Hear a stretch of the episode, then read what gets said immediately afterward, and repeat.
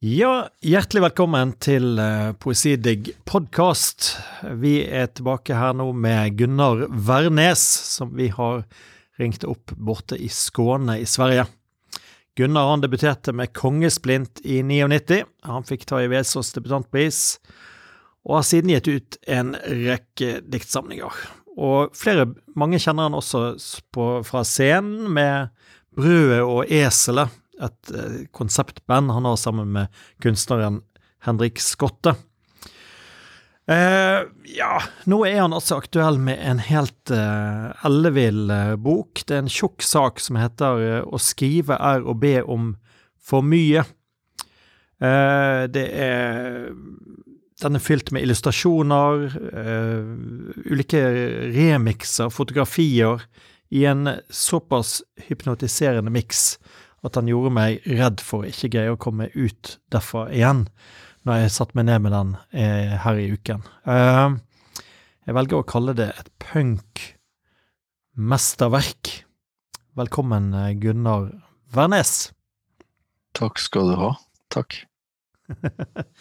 På denne her boken her så står det bortgjemte tekster, upubliserte dikt, drømmetekster, kuriosa, iscenesettelser, restaurerte tekster, mashups og masker. Hva i all verden mhm. er dette for en bok, eh, Gunnar? Jo, noen som var mye klokere enn meg, sa at det var Det var Monica Aasprang som sa det. Hun sa det var inverterte samlede verker.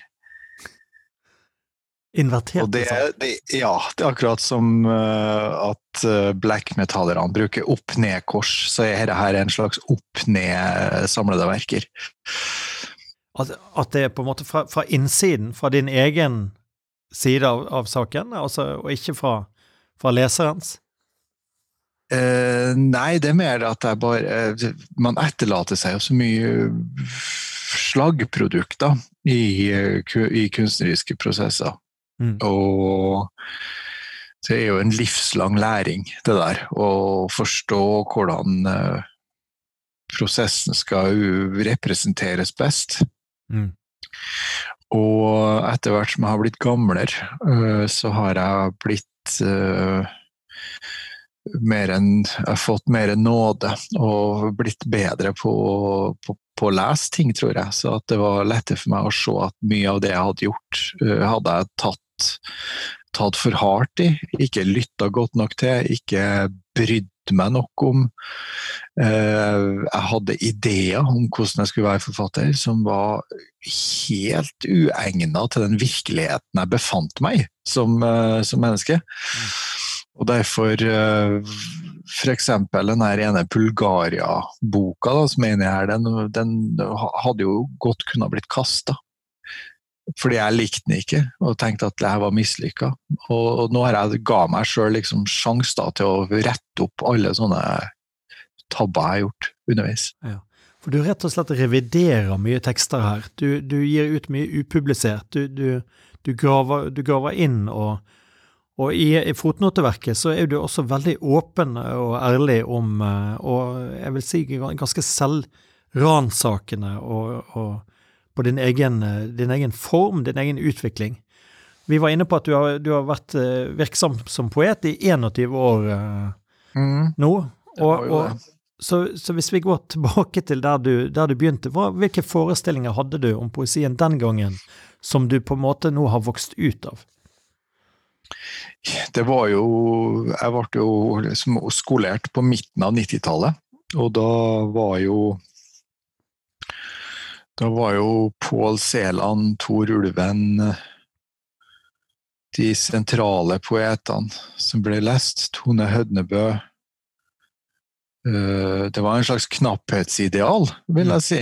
Eh, og et en fortetningsideal. Og det var også en toleranse for eh, kompakt lyrisk fremstilling. Ja. Men her er jo lenge før selvbiografi og alt sånne ting. Det er jo viktig å huske på. Så at man jeg vil jo si at du absolutt, absolutt, skriver deg inn i den med, med Kongesplint. Altså, den er jo knapt ja. Eh, det, det, står en fin historie der at du, at du manglet tre sider, for den var for, for, for, kort til å bli innkjøpt av innkjøpsordningen til bibliotekene. Den var tre sider for kort. Og så står det det at du brukte mange år på å skrive de tre tekstene. for at det bare gikk i. Jeg har brukt bare ett år på å skrive tre dikt. men, men, det er jo ganske Selv om det er rålekkert, så er det jo knapt. Altså, det, det, det, mm. det er puritansk, vil jeg, vil jeg ja. si. Men sånn var det. Og, og, jeg var vel også Jeg var veldig inspirert av Emily Dickinson også da jeg gjorde det. Og hun er jo også knapp og øh, konsentrert. Og um, så jeg forsøkte nå da, etter beste evne å gjøre meg sjøl knapp og konsentrert, fordi at det var oppfatta veldig tydelig at det, det, som, det var det som gjaldt. Mm. Og så er jeg jo ikke spesielt knapp eller konsentrert som menneske, da. Men det, når du er 30, så er du ikke så opptatt av å ha plass på den måten. Da prøver du jo å tilpasse deg. Ja, men du så, går jo inn og, og, og lærer håndverket òg. Det er jo en, en, ja, en læringsprosess ja. i, det, i, det, da. Tegn, lære, å tegne fine, lære å tegne fine malerier før man lager streker og, og rundinger. Ja. Mm. ja. Men, eh, men, eh, i denne her å skrive og be om for mye, så går du tilbake igjen i det samme materialet som du jobbet med på 90-tallet, og så rekonstruerer ja. du det etter den du er blitt i dag, rett og mm. slett. Hvordan, hvordan var det å se dette disse, disse, Jeg tror det var 1000 sider du be, sier her med, med, med, materialet. Hvordan var det å gå, gå inn i og, og retrospekt og, og, og sette det i gang igjen? Jo, jeg tenkte vel at uh, Først så frykta jeg jo at det skulle bli så der memory lane og at man skulle havne i noen slags sånn nostalgigreie. Så det som har gjort at jeg holdt meg unna det Jeg visste jo at det lå ting her som jeg ikke hadde uh, opp, via nok oppmerksomhet, men på et eller annet vis hadde jeg slått en sånn tabu rundt det, da. Men så hendte nemlig det at uh, i fjor, i april i fjor, så ble det en stor skogbrann i området her. Og um, det var med nød og neppe at huset ikke brant ned. Mm. Og det gjorde at jeg begynte å tenke på shit, hva har jeg i arkivet egentlig? For det her var jo papirarkiver, mye av det. Ja. Og hva hadde forsvunnet hvis huset hadde brent ned? Det spørsmålet hadde ikke jeg stilt meg. Jeg hadde bare lagt ting ned i boden og så glemt det der. Og så når jeg da begynte å stille det spørsmålet, så måtte jeg da finne ut hva vil det si å forholde seg til fortida. Skal man da forholde seg til fortida som en arkivar, skal man ha respekt for sånn som det var, eller skal man i fullstendig bengen og bare gå inn i det i en total uh, i en samtid? Som, uh, som, om det var i går. Og jeg valgte siste strategi, da, å gå inn og forholde meg aktivt til det, som om jeg bare hadde vært ute for å kjøpe røyk. Ja, det, det, så du, du, du, setter i gang uh, fortiden igjen og, og, og, gjør den til nåtid da, uh, i denne her boken. Ja, jeg har litt forskjellige strategier. fordi Noen av de tekstene er jo så jækla skjør at jeg prøvde jo å skrive dem inn på, på PC. det måtte, Og da begynte jeg jo å endre med en gang. Mm. For alt var jo galt i forhold til den sensibiliteten jeg har nå. Jeg ville jo flytte på hvert komma hvert punktum, ja. og det går jo ikke an. Da hadde jeg jo holdt på i ti år. Det, så der, har, Derfor har jeg hatt faksimilene. Det er tekster som har vært såpass skjør arkiv, arkivmessig, så at jeg har ikke kunne ha gått inn i det. Ja. Mens andre tekster har vært mer robust, og da har jeg gått inn og retta og dikta til. Mm. Det, det, Ja. Uh, skal vi se Vi kan uh, Det er så mange måter å gå inn i, i denne boken på. Altså det, det, men kanskje vi skal, skal, høre litt fra Høre deg lese litt, så, så lyttere som ikke har hørt Gunnar Wærnes, kan få et, få et inntrykk hvis vi kan ta en uh... Ja, da skal jeg ta en notatboktekst som uh, handler om livet i Bulgaria på 90-tallet. Det må læres på nytt hele tida. Det er å stanse armen din når den strekker seg etter den siste brødskiva. Det er å innse at spist er spist, men at det ikke er over når tallerkenen er tom. Det er oppvask og skyldfordeling. Det er ikke over bare for at fatet er knust og skårene begravd. Det er smulene under bordet. Når veden spraker i ovnen, så ligger greinene igjen ute i skogen. Ingen vil, men alle må. Det er som å sove, det er som å spise, som å vaske seg. Det er som det å samarbeide med folk du ikke stoler på. Det å hjelpe folk du ikke liker, sånn at du slipper å ha dem på døra. Det er alt du tenker på når du ikke får sove. Det å tenke at sjåføren sikkert ikke vil dø, han heller, selv om han kjører i 180. Det å gi og gi uten å vite om det kommer tilbake til deg. Det er skuffelse på skuffelse, for det innebærer folk, og dessuten mange av dem. Du trenger ikke å like folk for å behandle dem anstendig, og det er ikke sikkert de oppfører seg som folk bare for at du liker dem. Det er å vite mer enn du vil vite, det å skjenke til seg sjøl sist, det å aldri få lov til å være helt alene, det er ikke demokrati, alt som står i kø, og døden den er ikke demokratisk heller, bare for at alle må. Det er kunsten å lytte mens du sier både A og B, ikke bare halen, men apa òg, det å delta, ikke bare pelsen, men reven og hiet. Du blir mettere av å ha mette venner enn du blir solidarisk av å spise junk, drikke tresprit og røyke halm, og alle har skjønt det, bortsett fra du. All ordspråk er ikke språk. Det er når de begynner å dikte om blomster for at ugresset sprenger seg opp mellom flisene. Det å vente, vente atter vente mens du betaler lån med lån. Det å gjøre det du vil så ofte du kan, for du får aldri fred, aldri fri. Det er da du får høre om det farlige bukfettet og fordelene med å slutte å røyke. Det å våkne opp når du allerede tror at du er våken. Igjen og igjen. Tusen takk, eh, Gunnar. Eh, vi, skal prøve å, å, nærme oss dette med hva, hva, det er som gjør et godt dikt. Altså, I denne revideringen eller selvransakingen foregår, som foregår i boken din, så eh, I forhold til boken din Bli verden, så skriver du at de utkastene du så i ettertid, eh, på et vis var bedre enn Altså, du mistenker de for å være bedre, altså ha en sånn rå rå kvaliteter. Altså u, det ubehandlede var mm. nesten bedre enn resultatet. Altså vil, vil du si noe om, om, hvordan du da vurderer de tingene opp mot hverandre, eller, eller ja, Det jeg har lært meg av å jobbe med Brød og Hesle og være på scenen, er at uh, det med energi og øyeblik, øyeblikksenergi det er noe som er veldig veldig verdt å strebe etter. Improvisert kvalitet. Og den uh, utsattheten og nervøsiteten det innebærer at du som kunstner ikke har kontroll over, helt kontroll over hva du holder på med, den gir, altså en, sånn, gir en nerve til ting.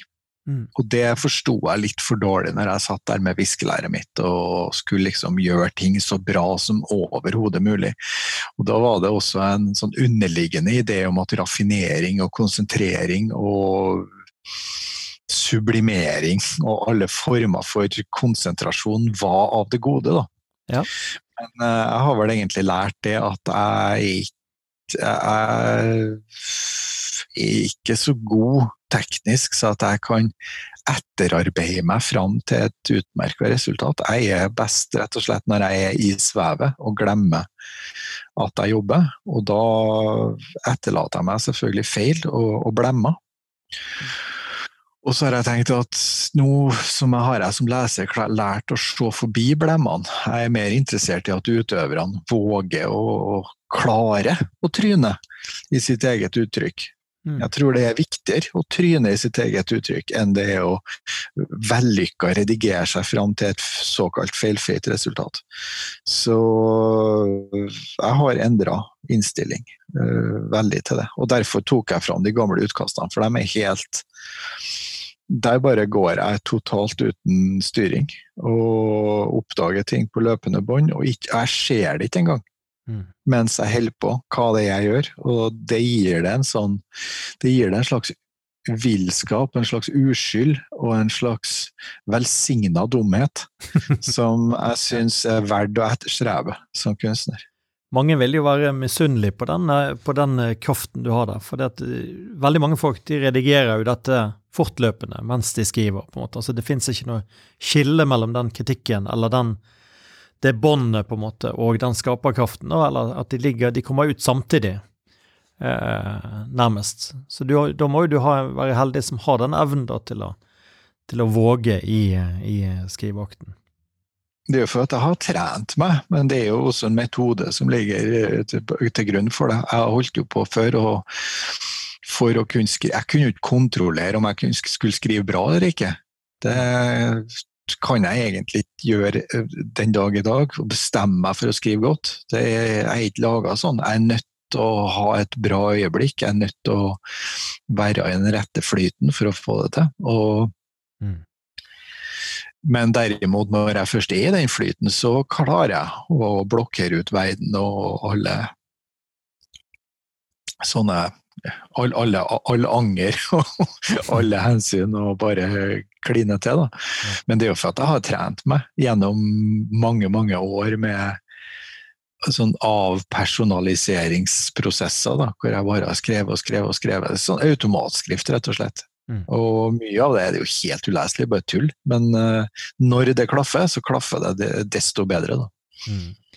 En annen uh, interessant, et annet interessant aspekt, det er denne, dette, tankene dine rundt det lyriske jeget, som, uh, som jeg syns er, er, interessante. da. Hva, hva du sier at du altså, Det virker som du har blitt mer og mer mistenkelig mot, mot den, den, den Altså, du er veldig selvrefleksiv i denne store boken din, men, men diktene selv syns du skal være mindre det, eller, eller um, Du skriver uh, et sted at du ønsket å være uh, Jeg ville prøve å være mindre jeg. Det er et eller annet som foregår mm. rundt uh, du, du, redigerer en antologi sammen med Pedro Carmona Alvarez med verdenspoesi, og det virker som den på en måte sprenger litt av din, ditt syn på denne hva skal man si, selvopptatte sentrallyrikken som, vi, som har preget deg, og, men også og, i, i enda større grad resten av det norske feltet? For min egen del så var det jo at, at uh, jeg brukte norske litteraturhistorien som målestokk på hva som var uh, bra. Mm. Rett og slett. Og da kommer du til et punkt i, i arbeidet ditt der du syns at du begynner å bli bra nok i forhold til helheten av det du ser. Mm. Det blir målbart da, for deg, men da forsvinner jo selvfølgelig også magien. Men når vi gjorde den antologien, så ble det plutselig helt umulig å vite hvor taket er. da. Det finnes ikke noe eh, topp hvis du begynner å se på verdenspoesien som en helhet, som en stor historisk eh, affære, mm. så ser du at den, den, er nabo med uendeligheten, og den grenser bare opp mot Gud, poesien. Mm. Den står helt åpen ut mot kosmos. Og det å skulle da sitte på ræva og tenke at du er bra nok, mm. det er for, det er for eh, sløvt, altså, for meg. Du må forsøke så godt du kan tenker jeg. Og da innebærer det å sprenge til enhver tid forsøke å sprenge de rammene som du har gitt. Og for meg ble jo det lyriske jeg er i sånn ramme, da, fordi den er en sånn helt som gjør deg litt smartere enn du er. Og den gir deg berøring med tradisjonen som du kanskje ikke har fortjent. Mm. Uh, og den får deg til å høres ut som noe annet enn en tosk fra en forstad utafor uh, Trondheim som jeg da størsteparten av tida egentlig har vært. da. Og det eh, Jeg kan jo ikke håpe å si Det er jo, det er jo juks å booste seg sjøl og sin intelligens med sånne instanser uten å ha fortjent dem. Så derfor så prøvde jeg da å skrive uten jeg. Det ble ikke så veldig vellykka. Mm. Men uh, da lærte jeg i hvert fall hvor grensene lå for meg, da. Mm. Eh, du nevner også en eh, periode tidlig i karrieren din da du var i Bulgaria og, og satt og, og, skrev eh, der det var mye sosiale tumulter rundt. Det var en, det var en, en tid med mye, mye, som foregikk i politikken der, der nede. Og, og de, dine kolleger, dine bulgarske kolleger var veldig opptatt av det politiske og skrev politisk, mens du gikk med dine jeg dikt. Det var vel også en, en sånn tidlig oppdagelse. Vil du fortelle litt om det? Ja, altså de bulgarske Jeg hadde ingen kontakt med forfattere der nede. Jeg omgikkes bare med billedkunstnere i, i Bulgaria. Det var nå én mm. ting. Men uh, uh, forfatterne var jo den samfunnsklassen i Bulgaria som før kommunismen hadde hatt det best. Så de var jo en gjeng med dekadente banditter, egentlig. Ja. Dem jeg møtte, i hvert fall. Mm. Og Uh, Bulgaria gjennomgikk jo en revolusjon, for det var jo da kommunismen falt ut der før egentlig i 1996. Så jeg ramla jo midt oppi det der som en liten sentrallyriker. Og det var jeg jo forferdelig dårlig forberedt på. Jeg hadde jo lært at det med å være politisk i tekst, det var helt teit. Det var det teiteste det kunne være, og det hadde vi bevis for. Jeg mener antologier gjort, Pax-antologier for poesi gjort på midten av 70-tallet, det er avskrekkende greier. Det, det er det, det sånt ikke ikke skriv politisk. Det var jo en, eh, var jo en skrevet i neon over huet på oss alle ja, på 90-tallet. I alle fall på 90-tallet. Mm. Ja. Og hva gjør du da når du plasserer deg i politisk virkelighet, akutt politisk virkelighet? Jeg visste ikke hva jeg skulle gjøre. Mm. Jeg var helt uh, Jeg var helt på null. Mm. Så virkeligheten krevde noe annet av meg enn det jeg var hadde tenkt jeg skulle gi den. Så da ble det Jeg skrev jo mm. faktisk ganske politiske tekster ufrivillig da, nedi der. Mm. Men det tok meg faen meg 20 år å innse det, altså. Ja. Ja, nei, jeg fikk var... noe til å være sentrallyriker. Jeg, tr jeg trossa meg til det. Nei, du fikk iallfall uh, Gjennom det arbeidet med, uh, med 'Verden finnes ikke på kartet', denne antologien med verdenspoesi, så fikk du iallfall mange til å forstå det at, at uh, jeg tror det er en viktig bok for veldig mange i forhold til å forstå hva et dikt kan være, og at det også kan være politisk. Men nå har jo det fått litt mer gehør i disse dager, da. Altså mye, mye av det som skrives, og iallfall oversettes til norsk, er jo god politisk poesi. Så ja, så har vi jo havna at historien har rørt seg dit at nå lever vi i tid der eh, politiske bruddflatene er mye mer synlige enn hva de var på 90-tallet. Mm. Og da er det nesten selvfølgelig Da er det uanstendig å ikke vil dreie skrivinga si dit, da, for nå er det ikke sånn at politikken stopper ved stopper ved utgangsdøra. Den griper inn i livet ditt og på en sånn måte sånn at du må nesten blande deg i det, ellers så er du en skurk. Mm. Tenker jeg. Ja, det, det, det, er dette gamle dogmet om om at dikt skal være, skal være, subtilt, på en måte. Det skal, ikke, det skal ikke si én ting, det skal ikke være slagkraftig. Det skal, det skal på en måte Det er denne gamle, gamle kunstsynet som kom med amerikanerne på 50-tallet, og, og, og, med, med Ja. Det, det er en ganske sånn sjokk. Jeg var nede i eh, Nicaragua på, på, et par poesifestivaler og fikk akkurat det samme. liksom. Man står og mumler frem noen ord om, eh, om eh, seg sjøl, mens alle rundt står og, og snakker høyt til folket om, om, om viktige ting. Det er en ja. ja, det Jeg syns jo at poesien definitivt må ha plass til å si 'jeg er sulten, ikke å skjøte på meg'. Det, det er et ærlig, ærlig utsagn, altså. Hvis, hvis, det nå er sånn at det er det som er eh, virkeligheten din, så må du Da kan du holde på å skrive om blomster og katter. Hvis det er det som er virkeligheten din. Det var jo det jeg lærte av de bulgarske forfatterne. De skrev jo om blomster og katter, mens landet deres ramla ned, datt ned over hodet på dem. Og det var jo, et, var jo, en instruks, da. Og jeg var jo enda verre. Ja. Jeg kom jo fra det dekadente 90-tallet. Jeg hadde jo forlatt en venneflokk som satt og kikka på Seinfeld. Og kunne ikke ta noe alvorlig. Wow. Og syns sjøl at jeg, hadde, jeg leda 1-0 på dem som satt og flira av Seinfeld, da, fordi jeg skrev dikt. Ja. Men jeg havna jo så langt ned på, eh, på næringskjeden der i Bulgaria, så det var jo en skam. Jeg var jo helt håpløs. Åpen post og Seinfeld. Det var vel 90-tallet. Uh, Gunnar, uh, vil du ta en ny uh, leseøkt eh, for oss?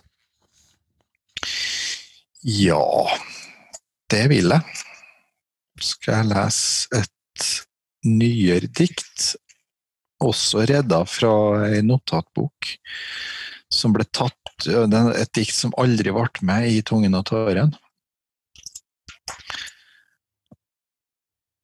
Og det heter Skipetotek.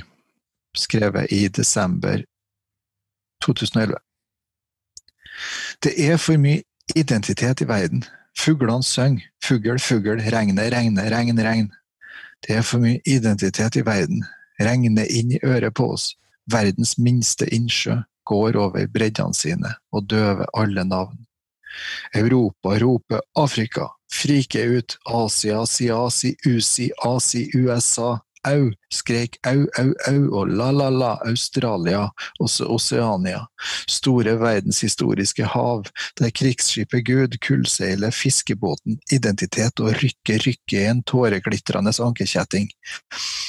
Derfor laga vi guder, ah, for å slippe å være oss sjøl. Ah, laga guder ah, av dem dødes mest glødende gnist. Ah, Guder som kan fyre med alle fjes og alle navn. Ah, stable opp et gudebål av alle dyrebare sinn i verden. Ah, Gjem seg under lokket av et enslig navn. Ah, Gud, ta huden, sette på en mann. Uh, Gud, Mannen kan, så lenge leiken varer, alt det guden kan. Uh, gude seg i gudehud. Uh, for en rus, og snorte en hel sjel. Uh, noen sine hender, uh, hvem da sine hender, hengende som votter fra ditt hule håndledd, uh, stakkars offer for et offer for et offer, uh, gå fra hus til hus og be om alt som Gud befaler, uh, lov å feire, lov å tigge, lov å ligge helt til skinnet råtner ned av ryggen på deg og bli den du var, uh.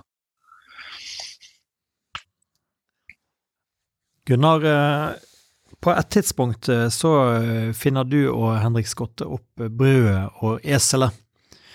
Nå har vi hørt deg lese, og du har alltid fremstått som en, en veldig sterk opp, oppleser. Og jeg vet du også har mye tanker rundt opplesningssituasjonen og, og, og musikken i, i lyrikken. Denne ideen om brødet og eselet, hva vokste den ut ifra? Var det, var det, det at bøkene ikke var, var nok, eller? Jeg, jeg, jeg, vet faktisk ikke helt. Det, mange, det der er veldig sammensatt. Vi, vi satt jo um, og rev oss i håret over at det med jazz og poesi Det ble liksom aldri noe mer enn jazz og poesi. men uh, musikken var sekundær i, alle, i, veldig mange sånne sammenhenger. At musikken var et sånt komp som lå bakom, som er sånn matte, og så leste dikteren over, og så leste man akkurat som man brukte å lese med eller uten komp. Det spilte liksom ikke noen rolle. Så det var nå én ting, men samme er jo også at det har poesien foregår jo på en scene, og når du nå først er på en scene, så kan du jo like gjerne lage litt show, tenker jeg. Mm. For det er anti-showbiz-ideologien som uh, ligger under poesiopplesninga, at det skal være så ekte at uh, jo mer nervøs og mindre profesjonell du er, jo bedre er det, nærmest. Mm. Uh, det blir jo også et sjølbedrag. Så Og og så er det jo sånn at scenen, når du først begynner å tenke show, så er jo det en masse konvensjoner og ideer som ligger nedfelt der òg. Så vi brukte vel egentlig bare scenen som drivende metafor, da, og lot, prøvde å se hva det kunne gjøre med oss. Og, og hvis vi tenkte nå lager vi en musikal, nå leker vi at vi er musikere, nå fremstiller vi oss som et band, og bruker det si, drivkreftene som ligger i den ideen, da, og se hvor det, det fører oss. Mm. Det er en utrolig eh, go i det, og, og, jeg tenker at det er ikke tilfeldig at det kommer fra Trondheim, tenker jeg, med, med Svartlamoen, Uffa. Det er en veldig sånn eh, punk-energi over, over, det. Men er ikke det altså hele den 70 80-tallsgenerasjon. Eh, folk som, som jeg, da, som vokste opp og hadde såkalte viktige år på 80-tallet. Det med punken var jo Det handler jo ikke om lilla hår og hanekam. Det handler jo om at uh, du sjøl lager den kulturen du vil ha. Mm. Og det betyr at uh, innebærer liksom en viss sånn antiautoritær og anti-etablissementsgreie. Så for meg var det vel det som var greia. Å gjør, eh, lag den kulturen du vil lage sjøl, istedenfor å lage den kulturen som du tror at folk forventer at du skal lage. Mm. Ja, nei, vi var heldige. Vi hadde dere på besøk her på Poesidigg på, på Nattjazz. Det, det, var en minneverdig kveld. Også fordi at konserten aldri tok slutt. Det var, det var, en, det var en, uendelig konsert. Det var litt sånn halvfull sal til slutt, men uh, men, uh, det var seint på kvelden, og bergenserne var fulle og ville date. Mens vi hadde tenkt at vi skulle spille et fullt sett på en og en halv time. For vi tenkte at det er jo så lang konserter skal være. Og vi tenkte ikke å gi oss. Mm. Folk begynte å bli lei på slutten, altså. De gjorde det. Det må jeg bare erkjenne. Ja. Nei, eh, det var, det var, mange som satt der som, som lys til slutt. Men, de, men, det var jo mange som var godt. Det, det må, vi, må, vi, ta inn over oss. Uff. Ja, jeg skulle nå helst ville at alle ble sittende, men det er ikke så du, You can't have it all, altså. Nei. uh, vi må også snakke om dette med å ta inn illustrasjoner i dikt, for det er ikke veldig mange norske diktere som gjør det. Uh, det begynte du med for, for noen år siden, det å, å ta inn tegneserier. Veldig underlige tegneserielignende ting. Det, I tillegg til disse gamle testamentlige uh, inspirasjonene som jeg føler ligger rundt det, så, så er det uh, altså, Og også denne nye boken er jo helt stappfull av, av helt utrolige uh, hva, hva, skal man kalle det? det du har jo Jeg vet ikke, det er vel illustrasjoner det kalles. Det er mash-ups, det er kollasjer, det er det er virkelig fotografier. Det er, det er, Dette er også å åpne diktrommet, eller diktboken, for den type ting. Eh, kan du fortelle litt om, om hvor, hvor, ideen kom til den, og hvordan i all verden du fikk det til i forhold til forlaget, og, og, og, og få lov til det i det hele tatt? Å sprenge, ja, liksom? Ja, forlaget har vel bare resignert og tenkt at sånn er det. det og det forventer jeg egentlig av dem òg. Altså, hadde jeg hatt et forlag som hadde sagt at nei, du må ikke holde på med tegningene, det, så du er en bra poet, hold deg til det, liksom. Jeg har da hørt det. Og, og det er sikkert lurt, det. Hvis du er en bra poet og holder seg til det, men pff, det er noe med det at hvis du forsøker å spare deg sjøl, da, og safe, så blir, du, så blir du dårlig. Så for meg har det vært en Jeg har en sånn idé om at det å være poet, du må bruke alt du kan. Absolutt alt du kan. hele tida. Du må bruke alt du vet, hele tida. For det er bare da du skjønner hvor du slutter og verden begynner. Mm. Så det med tegninger og musikk og alt det har bare vært et forsøk på avtegne den grensa for meg sjøl tydelig, da. Og prøve å være der hvor mestring og ikke-mestring møtes da, på ulike produktive måter. Ja. Lære meg timing på ordentlig. Mm. Altså forskjell. Grekerne hadde jo en forskjell på kronos og kairos. Kronos er den tida som går. Den, er, den bare går. Mm. Ett minutt for ett minutt. Mens kairos, det er timing. Det er å vite mm. når du skal gjøre den rette greia når du skal gjøre den rette tingen til rett tid. Og da krever det en helt annen form for tidsfølelse, og den tidsfølelsen har vi dyrka fram i jazzen eh, mest. Mm.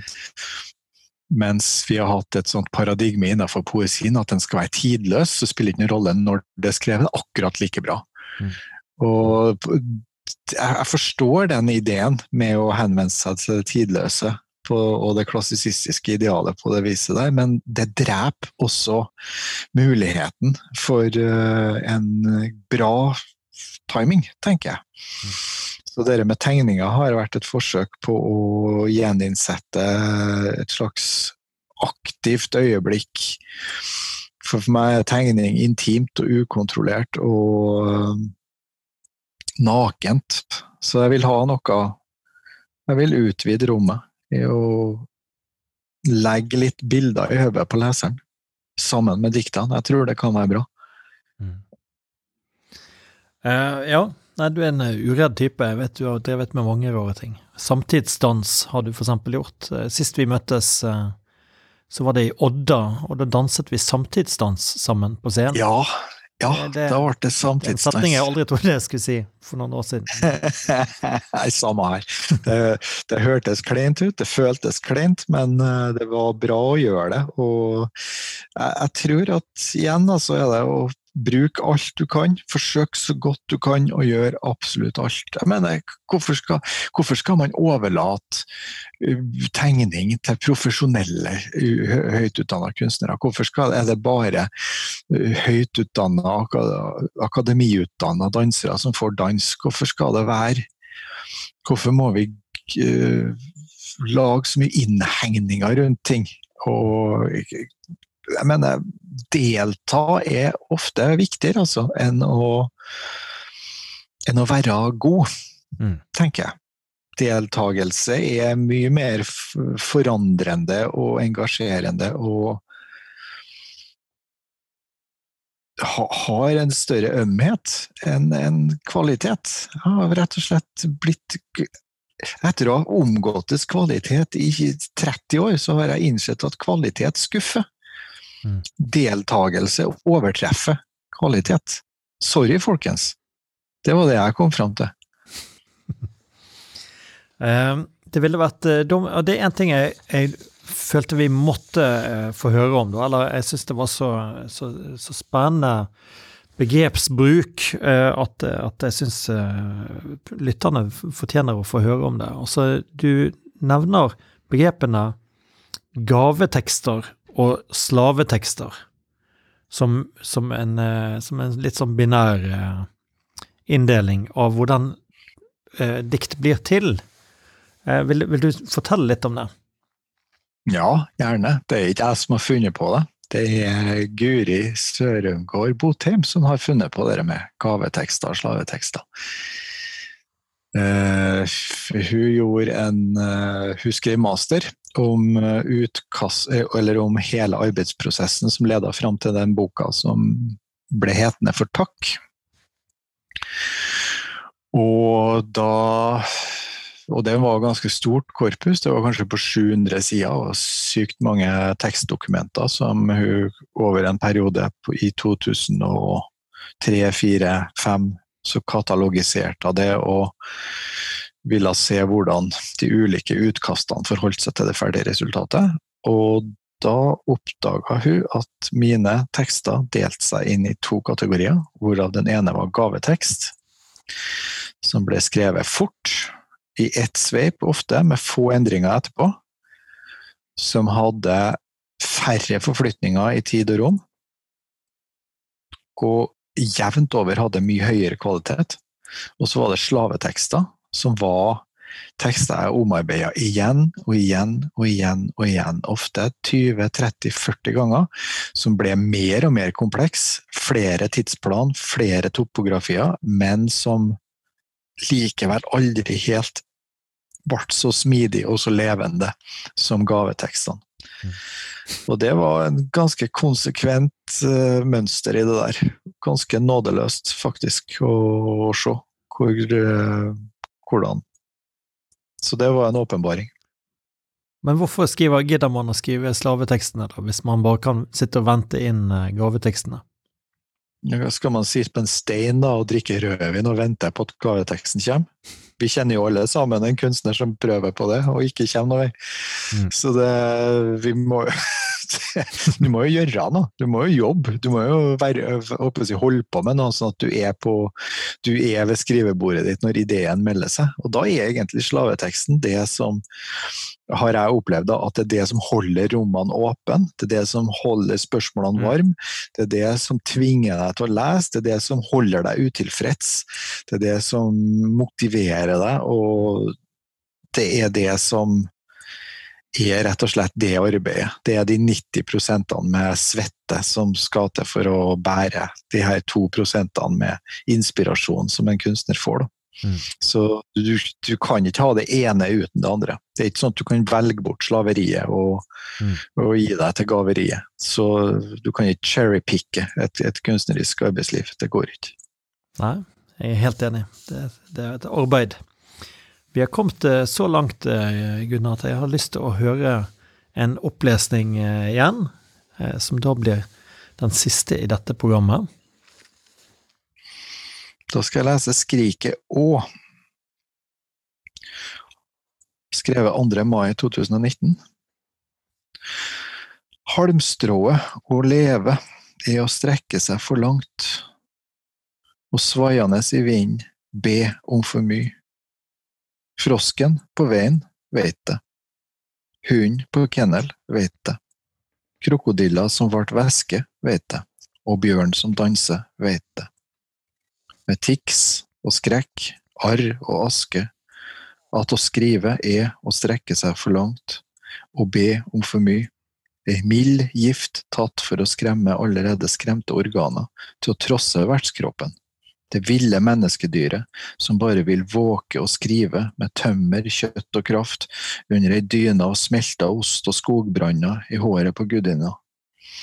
Det ville menneskedyret som staver verden ny, glissende og avskoga, med småvilt, ugras og utøy, bare for å få sove videre i drømmen om skapelsens herre, som ble dikta for å la oss få se virvelen i øret, når den setter fart forbi øret og snirkler videre i spiraltåkene i verdensrommet, der evigheters anus snurper stjerne og stråle innover og ned i ved ved negativet av palmen som eksploderer grønt i sola, negative av det ene svidde, levde livet, navle, sluk og trevla streng på kryssing gjennom verdensrommet, dregende smuler fra livsbrødet til seg, hevende deigen sin i en balje av glemsel som vi tømmer og tømmer med skriket å, å, å, med åpent gap på nytt, ha blitt født. Takk, eh, Gunnar. Eh da er vi kommet til, til ende i dette, denne lille adventstunden, får man kalle det.